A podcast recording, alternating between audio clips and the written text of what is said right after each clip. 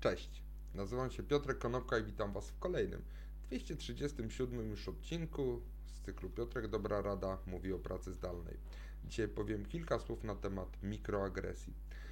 E, zacznę od takiego cytatu. Mikroagresja to stałe przypominanie, że nie należy się do tego miejsca, że jest się kim mniej ważnym, że nie jest się wartym takiego samego szacunku jak biali ludzie Mikroagresja powoduje wyprowadzenie z równowagi. Rozprasza cię, powoduje, że cały czas jesteś gotowy do obrony i ucieczki. Powoduje, że nie cieszysz się z pobytu w biurze. Mikroagresja normalizuje rasizm.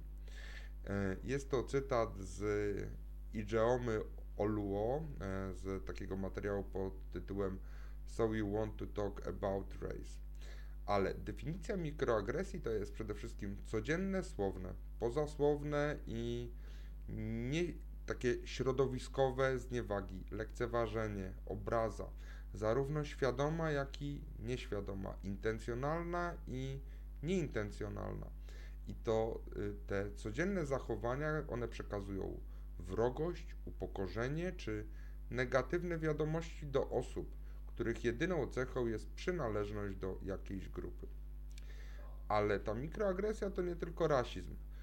W pracy zdalnej ona także się pojawia, a nawet pojawia się coraz częściej i również bardzo nieświadomie, bo te zachowania mikroagresywne wkraczają do naszego życia, do słabszych osób i są łatwiejsze w tej chwili, kiedy ta kamerka zooma e, trafia do naszych domów i trafia do naszej sfery prywatnej w trakcie wideokonferencji. Jak w ogóle tą mikroagresję można rozpoznać na co dzień?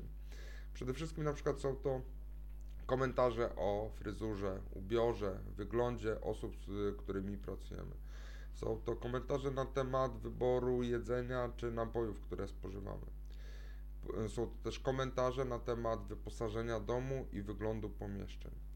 Pojawiają się także komentarze o partnerze, partnerkach, o dzieciach, zwierzętach, które widać w tle. I jak przede wszystkim chronić swoje zespoły przed zachowaniami takimi mikroagresywnymi.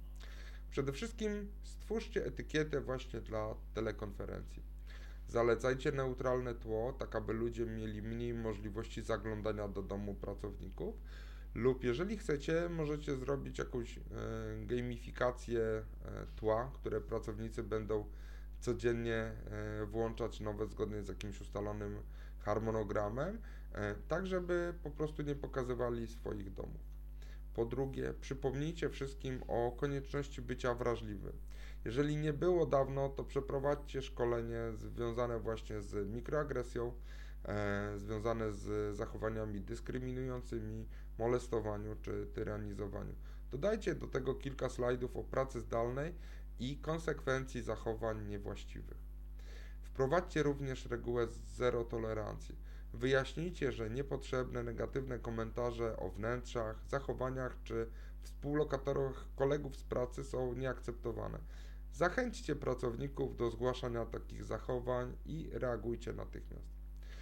Jeżeli jesteście e, pracownikami bądź prowadzicie firmę, która ma problem z takimi zachowaniami, dajcie znak, porozmawiamy, zobaczymy, co razem wspólnie możemy zrobić.